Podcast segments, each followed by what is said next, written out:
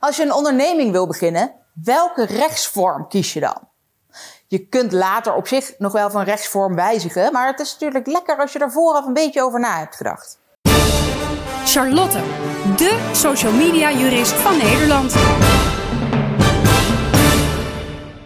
Goed, als je een onderneming wil starten, welke rechtsvorm is dan het beste om mee te beginnen?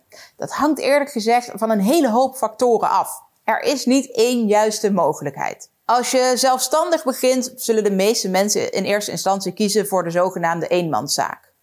Nou, dan ben je vooral iemand die werkt in uitoefening van beroep of bedrijven, zoals ze dat dan noemen.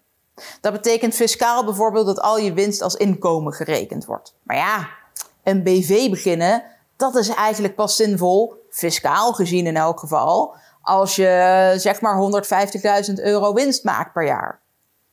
Dat is een grote smak met geld. En ook als eenmanszaak kun je gewoon personeel inhuren. En je kunt natuurlijk altijd met ZZP'ers en freelancers samenwerken. Waar een BV dan misschien weer wel handig voor is om je aansprakelijkheid een beetje uit te sluiten. Of nou ja, te verleggen eigenlijk. Bij een eenmanszaak ben je altijd persoonlijk aansprakelijk. Dat betekent dus ook dat als je bedrijf failliet gaat, jij in principe als persoon ook nog eens failliet gaat. Heb je een BV, dan kun je die structuur zo opzetten dat als de BV failliet gaat, dat niet per definitie ook jou zal raken. Tuurlijk hangt dat er een beetje van af hoe je dat precies georganiseerd hebt en of er geen sprake is van zogenaamde bestuurdersaansprakelijkheid. Maar zeker een optie om even mee te nemen in je overwegingen. Zo zou het bijvoorbeeld kunnen zijn dat als je wel met personeel gaat werken, dat je dan misschien al iets eerder kiest voor de BV-structuur dan uh, wanneer je echt in je eentje blijft werken. Simpelweg omdat je ja, toch niet per se aansprakelijk wil zijn voor dat wat jouw werknemers doen. Natuurlijk bestaan daar ook verzekeringen voor. Wil je samenwerken met andere mensen en bijvoorbeeld wat kosten delen, nou, dan kan soms een maatschap handig zijn. Of een coöperatie. Dat je altijd deels nog wel voor eigen rekening en risico wat uitvoert, maar wel samen wat kosten kunt delen, soms samen ook wat winst kunt delen. Uh, en dus zo ook uh, gezamenlijk naar buiten kunt treden. Je kunt ook nog voor een sterker samenwerkingsverband kiezen door bijvoorbeeld een VOF op te richten.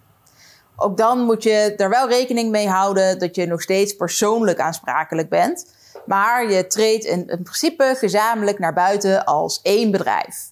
Maak dan wel goede afspraken over wie wat uit mag geven en wie welk geld uit de zaak mag halen. Nou, dit zijn een aantal verschillende rechtsvormen waar je uit kunt kiezen. Het zijn er zoveel dat ik dat niet allemaal in deze video zou kunnen behandelen. Ik ga een boek schrijven over ondernemen waarin ik daar meer over uitleg. Wil je als eerste op de hoogte zijn van de ontwikkelingen van het boek en de verschijningsdatum?